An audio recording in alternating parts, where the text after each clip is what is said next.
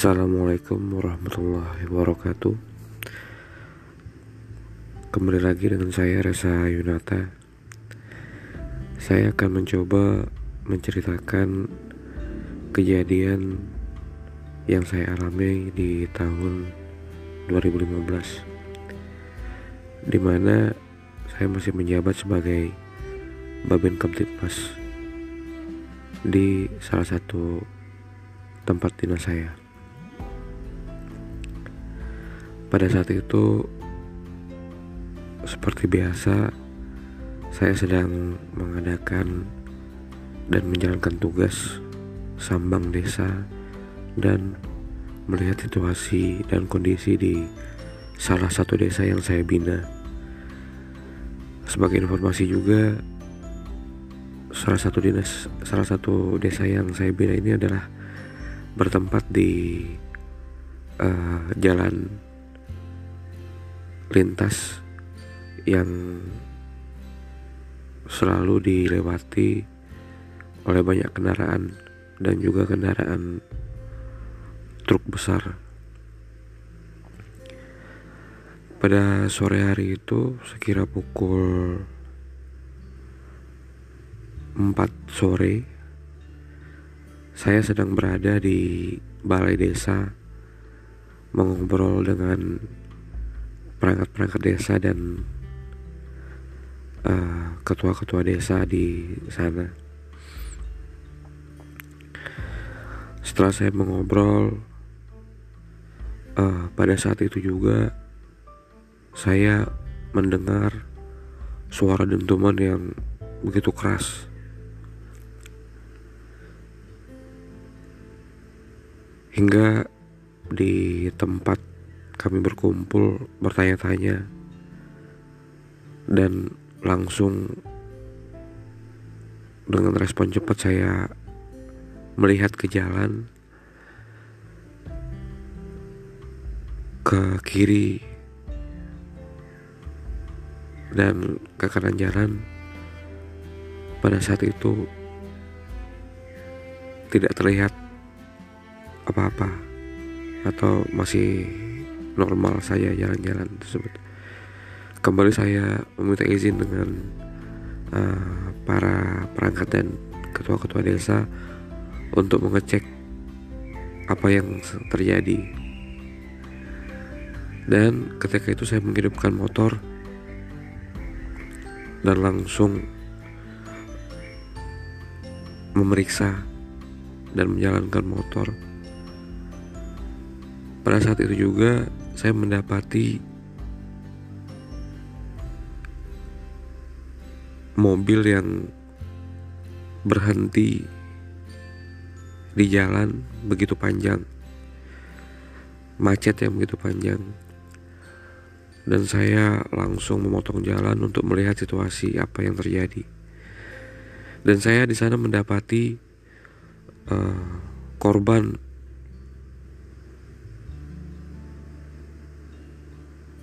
tergeletak sekitar empat orang.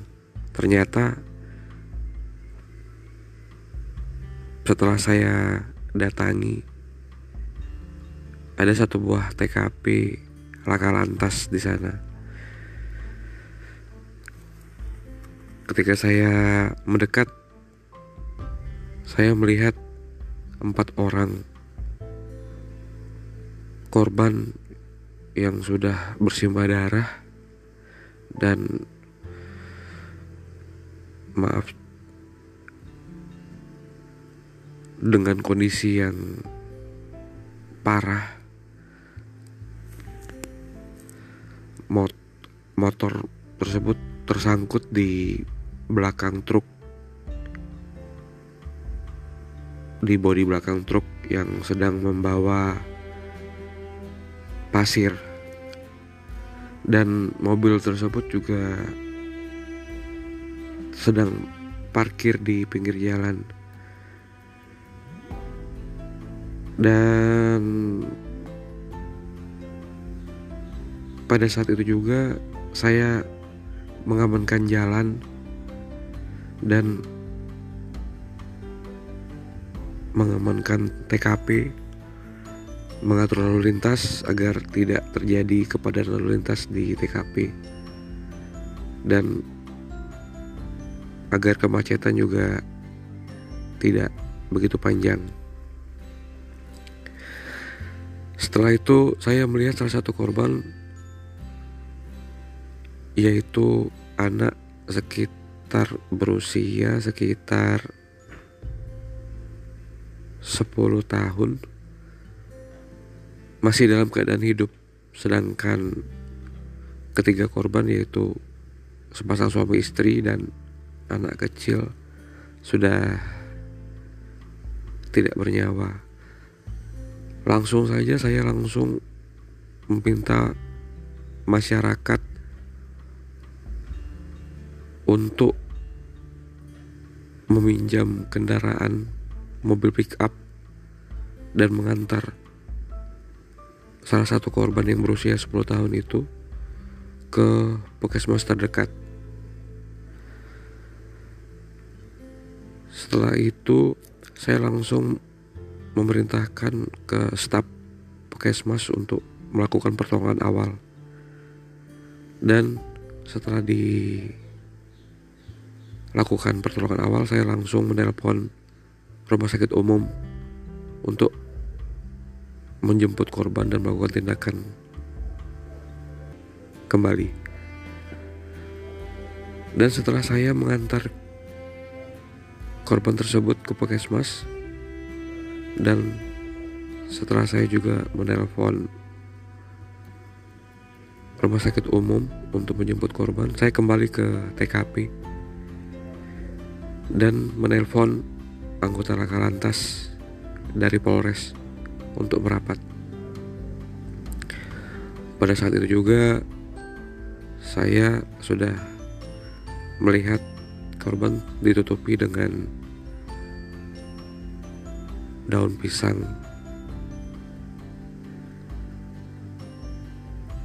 Saya cek ketiga korban dengan memegang nadi mereka juga mereka sudah tidak bernyawa lagi. Uh, korban mengalami pecah kepala dan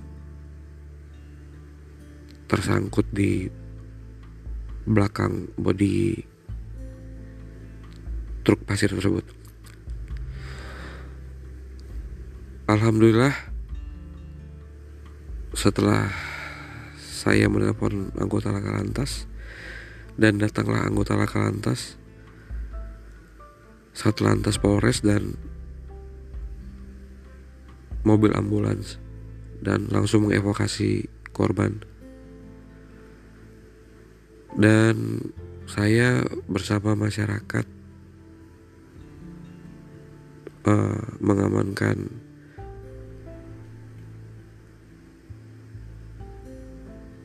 sopir untuk langsung diamankan dan dibawa ke polsek setempat untuk sementara. Setelah itu masyarakat dan saya juga membersihkan bekas darah yang sangat banyak di uh, tengah jalan. Pada saat itu posisinya posisi posisi laka lantas tersebut pas di depan uh, masjid besar yang berada di desa di jalan lintas tersebut. Dan ketika semua sudah beres setelah dua hari kemudian saya mendengar kabar salah satu korban yang masih hidup anak berusia 10 tahun itu uh, dapat tertolong. Setelah itu ketika saya keesokan harinya ketika saya kembali sambang desa dan melakukan tugas pagi hari atau malam hari Saya selalu mencium bau harum ketika saya melintas di jalan bekas kecelakaan tersebut. Entah itu pagi hari, sore hari, atau malam hari. Bau harum tersebut terjadi sekitar sebulan lamanya. Setiap saya melintasi jalan bekas kecelakaan tersebut, saya selalu mencium bau harum bunga. Dan entah kenapa juga setelah saya sering mencium bau harum tersebut, ketika saya melewati, saya membunyikan klakson dari kendaraan saya. Saya menganggap bau harum yang saya cium itu, yang tercium oleh saya itu adalah bentuk terima kasih dari korban. Mungkin karena salah satu anggota keluarganya telah diselamatkan dan sampai sekarang masih hidup. Kejadian ini berlangsung sekitar sebulan lamanya. Setiap kali saya pulang malam melewati jalan lintas dan pas di tempat kejadian kecelakaan parah tersebut saya selalu mencium bau harum bunga. Begitulah kejadian yang saya alami. Uh, terima kasih.